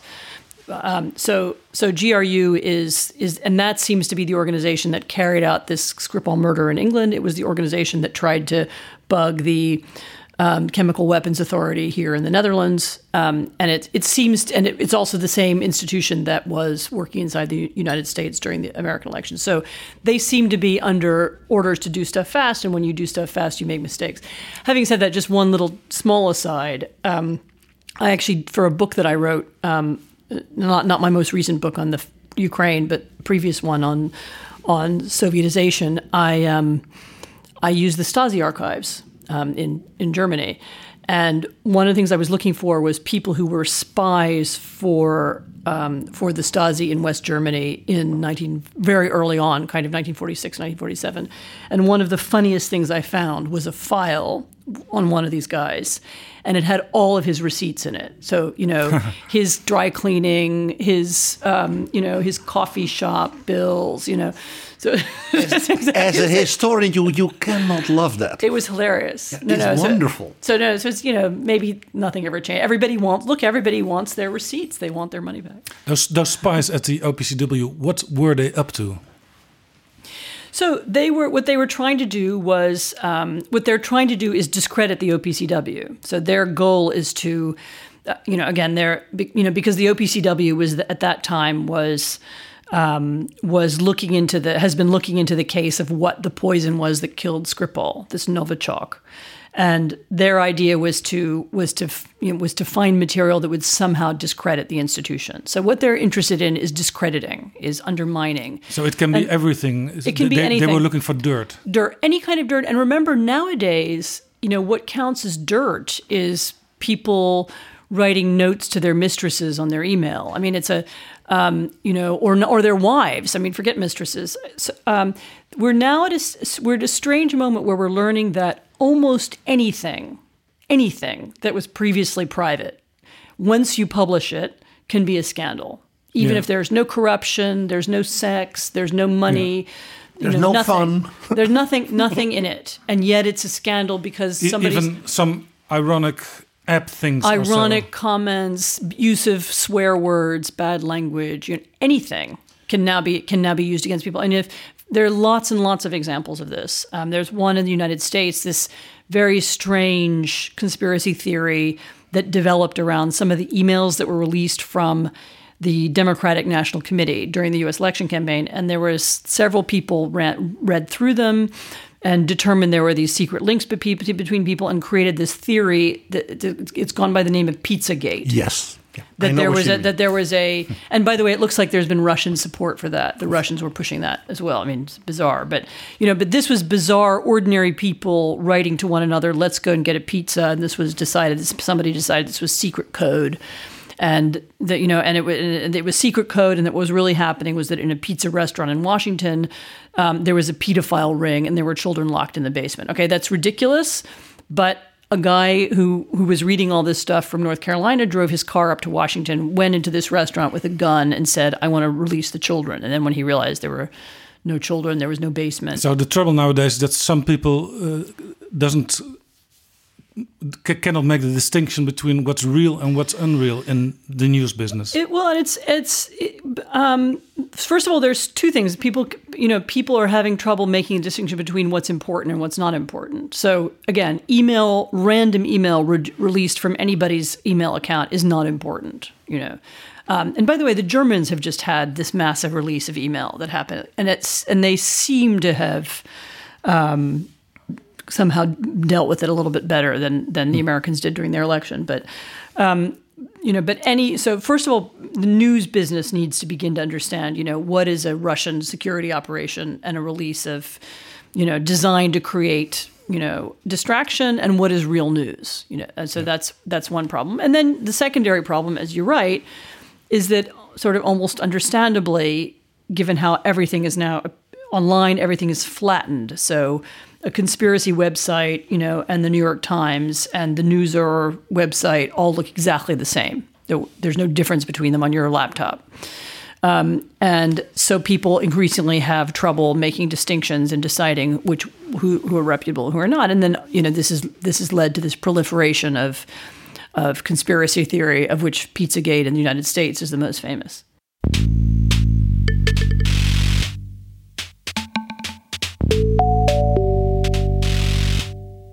Dit is Betrouwbare Bronnen, een wekelijkse podcast met betrouwbare bronnen. En ik praat met Pulitzer Prize winnaar Anne Applebaum over Vladimir Poetin. You earlier talked about how afraid Putin is uh, about orange revolutions. He intervened in Ukraine. Why did he intervene there? I think in Ukraine, um, he needed to, you know, he needed to show his people that you know this this was a kind of symbolic. This ends here. You know, I'm I'm invading. I think that was one reason. Um, I think the second reason was that he made a mistake, namely um, because he doesn't like many Russian leaders in Moscow. Um, he doesn't understand very much about Ukraine. Um, and he imagined that everybody in Ukraine who is Russian speaking is a Russian.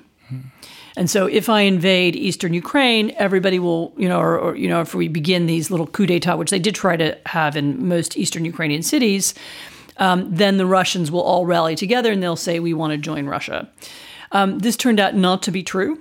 Um, Ukrainians, you know, there are Russian speaking Ukrainians and Ukrainian speaking Ukrainians, and um, uh, they, but they, none of them necessarily identify with Russia. They are, you know, they think of themselves as Ukrainian. Some of the best Ukrainian writers write in Russian. Some of the great Ukrainian, you know, television journalists also write in Russian. I mean, it's a, it's Russian. You know, it's a, it's a, it's a society of two. languages Like Belgium. You know, they have two.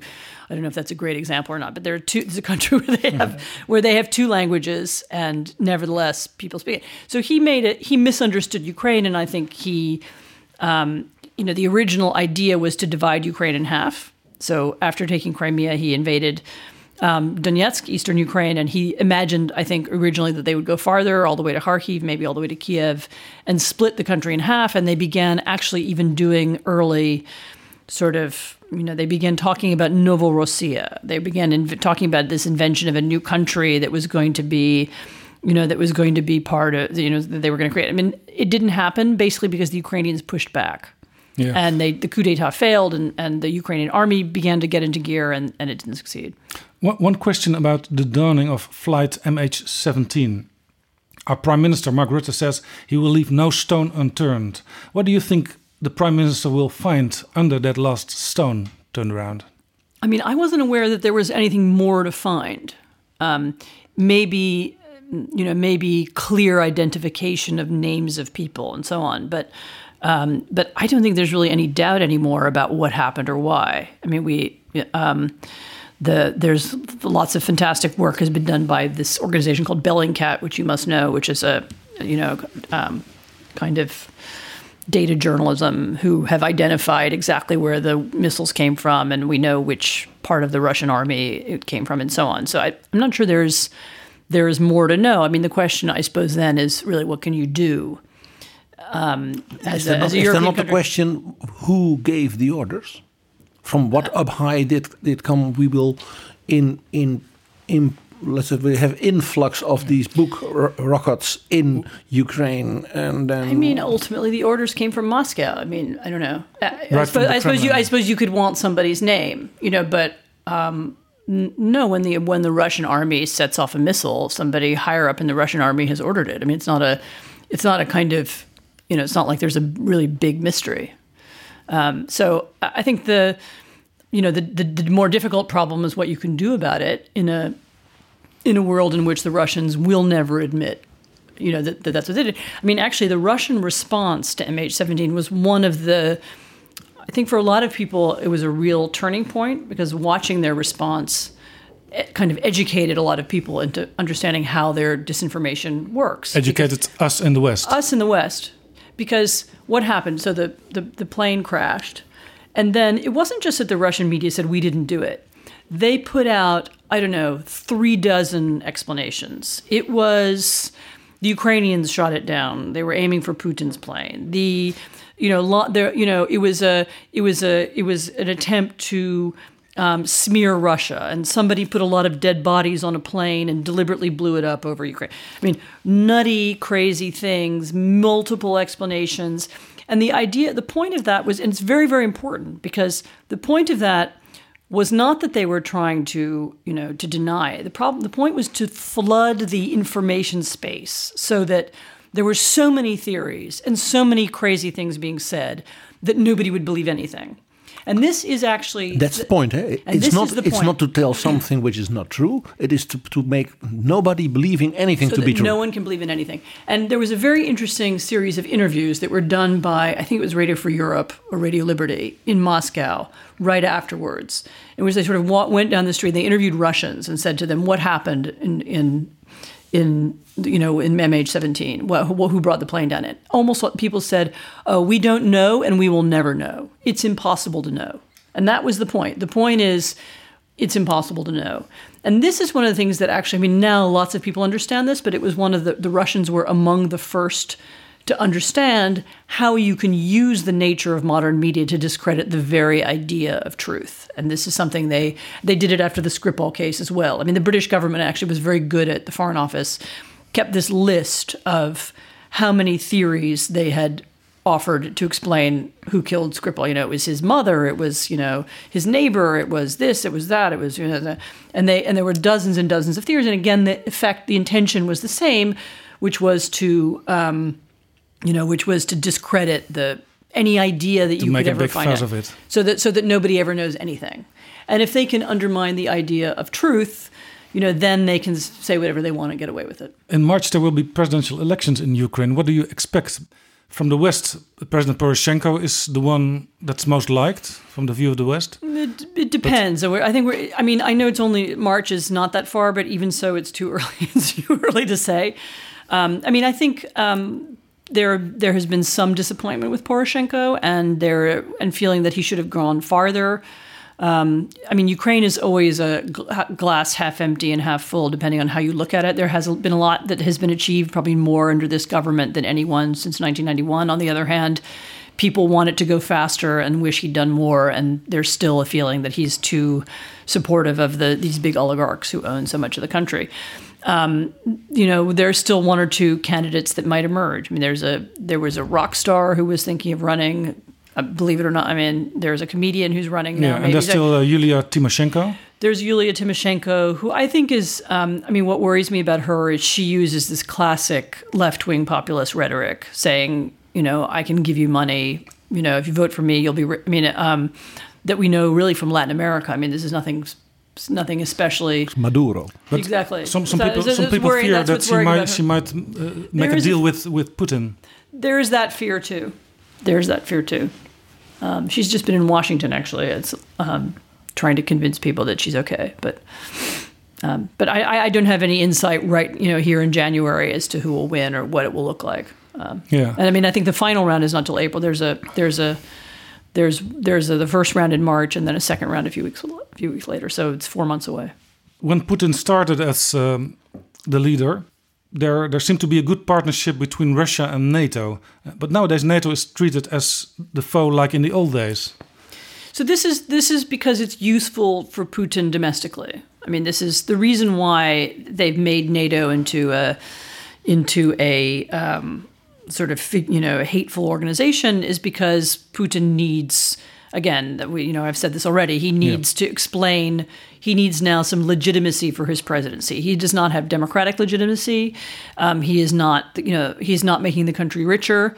So why should he be there? And his explanation to the to people is because I'm fighting evil NATO and and I will you know make Russia great again. I mean, and that is that is literally the, way NATO is used now in Russian politics. I don't think it has anything to do with the reality of NATO.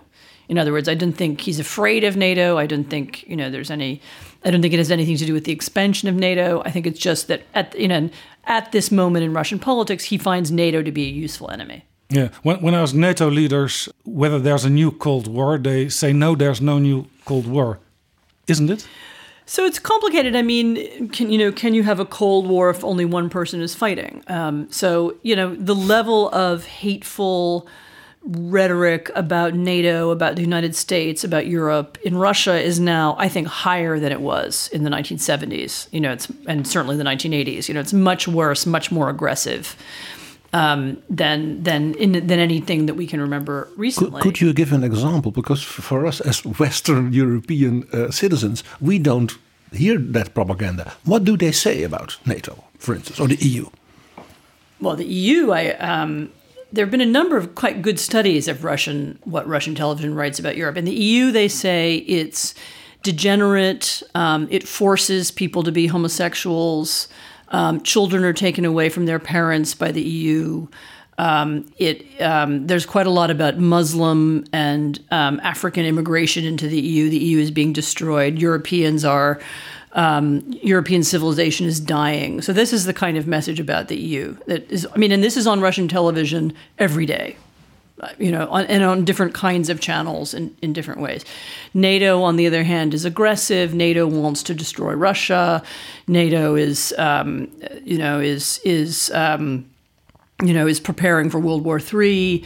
We need to be prepared for World War III in response, and so on. I mean, it's, it's very, it's, it is extremely aggressive. I can't even, uh, you know, I can't emphasize it enough. It's and, and you're right. Most people here aren't aware of it because we don't have that kind of language, um, in, you know, in response. So, so I think NATO leaders, you know, are right to say no. They don't feel themselves to be in a Cold War, but the Russians are certainly using. But do we have to fear this rhetoric? Um, I have to be careful how I answer that because I mean, yes, you yes, we should be paying attention to the rhetoric because rhetoric is not without consequences, um, and we know from history that when you create, you know, scapegoats and enemies in rhetoric, then sooner or later people become aggressive and want to want to execute. Having said that, um, you know, I do think um, or you know ordinary Russians do feel some distance from what they see on television. I mean, I can't um, I can't give any statistics or numbers, um, but I think people are aware that it's propaganda. Um, not not everybody, but many people are, and so there's you know, and it's true that when you do polling in Russia about how Russians feel about Europe, most Russians still say they feel themselves to be Europeans you know, and they have some attraction. And this is, of course, exactly why Putin is so negative about Europe because it's that attraction. You know, we want to be Europeans, we want to be part of that culture. Um, this is what Putin is afraid of because if the culture is European, democratic, um, liberal institutions, open, tolerant, you know, all that, you know, that's attractive to people. So, you know, so I don't think we're in a world where most Russians hate most Europeans, but you do have this really v- aggressive um, sort of messages coming from television. Within NATO, there's a fear that um, the American president, Donald Trump, sometimes really wants to get out of NATO. Um, he does. I mean, I think that's they're correct to fear that. I mean, he's said it. Um, I know people who've heard him say it. There was just actually a couple of days ago there was a New York Times or Washington Post story that was summing up um, summing up some of those fears. But I had heard that, I had heard that before. Um, you know, this of course is probably the main reason why the Russians spent so much time thinking about how to support him to become president, um, which we now know that they did. I mean, there's no there's no doubt about that. It's not a conspiracy theory. It's been published and so on. Um, and this is because he has been talking like that about NATO for 20 years. This is not some new thing. This goes back to the you know 19, 1980s and 1990s. Um, uh, you know, he's an isolationist. There is that strand of thinking in American. There's a tradition of isolationism in American thought, and he comes out of that. And Yeah, you said um, Putin's wanting to make Russia great again. Donald Trump says, make America great again. Yeah, but unfortunately, what Donald Trump doesn't understand is that what made America great was its alliances, um, and America will, you know, if without its alliances, um, America is not great. America does not get to, you know, help determine how the trade works around the world and how the international system looks. It just becomes, um, it retreats into its own continent. What, what has Putin on Trump? What does he have on him? Yeah. That I, you know, that I don't know. Um, my guess is that um, Russian businesses have been funding and backing Donald Trump's company for many years. Um, you know, th- uh, there was one point when he came back from bankruptcy, even though no banks in New York would lend to him, and he seems to be yet he seems to be able to get money from somewhere, and it seems to that it's coming from. Um, you know, from from Russian sources, and one of his sons said this at one point, and um, many people speculate that this is why he doesn't want to tell us too much about his businesses or or his taxes. Um, so, you know, that would be my guess. And there's, I mean, it's not just circumstantial evidence. There's a lot of genuine. You know, he has lots of Russian contacts going back many years. So I, I imagine it's that. I think Trump now has a. There's another thing that there's another reason he feels some dependency on Putin, um, which is that I suspect that Trump believes he won the election because of Russia. In other words, Ah. whether or not that's true, I mean, I don't know. I think Trump thinks it. And this is my his performance in Helsinki. If you remember this press conference when they appeared together, Very strange so happening. strange, and it was so peculiar. You know, and it, he seemed to be afraid of Putin somehow, or, and as I said, this would be my guess. Um, whether there is, in addition to that, something else, you know, in a, you know, ho- take pictures taken in a hotel in Moscow years ago, I have no idea. But I'm not sure we even need that. You know, we can all see it. We see there's a strange, there's an element of something strange about their relationship, and and it has to have some source. I've heard that in Putin's office there is a portrait, a beautiful oil painting official portrait from the 19th century from one Tsar. And that this Tsar is his example, Nicholas I. Why is that? Um, well, I can't um, peer into his brain, but of course, Nicholas I was the great autocrat of Russia, um, and it may be that he, um, you know, he wants to see himself um, in that role. Um, you know, that points to one of the great tragedies of Russia. You know, what is it that Putin has chose to celebrate historically? Um, you know, he he has Nicholas I in his office. What has he done in public? He the, the the piece of Russian history that he has celebrated over and over again is the victory in 1945. The, and so they have every year now on Red Square they restage the Victory March. Um, they wave Soviet flags. People wear Soviet uniforms. And that's because this was a moment of imperial power, right? This is when Stalin had conquered half of Europe. You know, there were Russians in Berlin, and so, and this is the this is the you know the thing that he wants Russia to go back to and remember was this imperial moment. And of course, the you know Tsar Nicholas is another one. Um, what's too bad is that there are liberal heroes in Russian history. Um, you know, the Russians invented the human rights movement. I mean, the, the, the, Russian dissidents in the in the 1960s and 1970s were the precursors of what we now call human rights, and they were the ones who first started it. You know, he could have made them into his heroes. Um, there were great Russian liberal politicians um, in the in the period just before the revolution. He could have made them his. You know, there were great ref- moment reformers. He could have chosen one of them, but he. You're right. He has chosen to.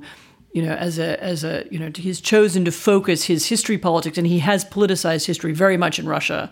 Um, it's a big difference now between what Russia was like in the 1990s. There's a big emphasis on history and a big political focus on it. He has chosen these figures who um, epitomize empire, you know, autocracy, um, you know, and this kind of very old-fashioned definition of strength. Do you think Putin will write his memoirs? Oh, I, I, I don't know. He's written some already. I mean, he's written, you know, he's given an account of his life and interviews and so on. Um, whether they're true or whether he will go any, I, I, I don't really see him writing a kind of, you know, Jean-Jacques Rousseau confessions and you know what has molded me. So no, in that sense, you know, of course, he might publish another book. Would you like to be his ghostwriter? No, thank you. and Applebaum, thank you very much for this conversation. Thank you. I really enjoyed it. Thanks.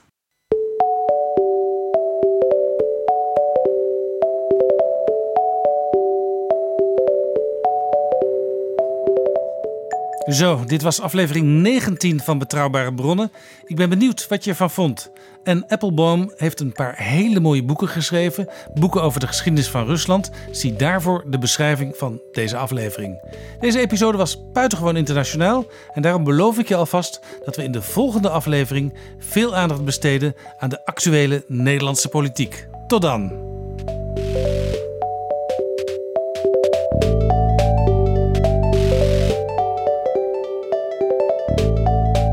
Betrouwbare bronnen wordt gemaakt door Jaap Jansen in samenwerking met dag en nacht.nl.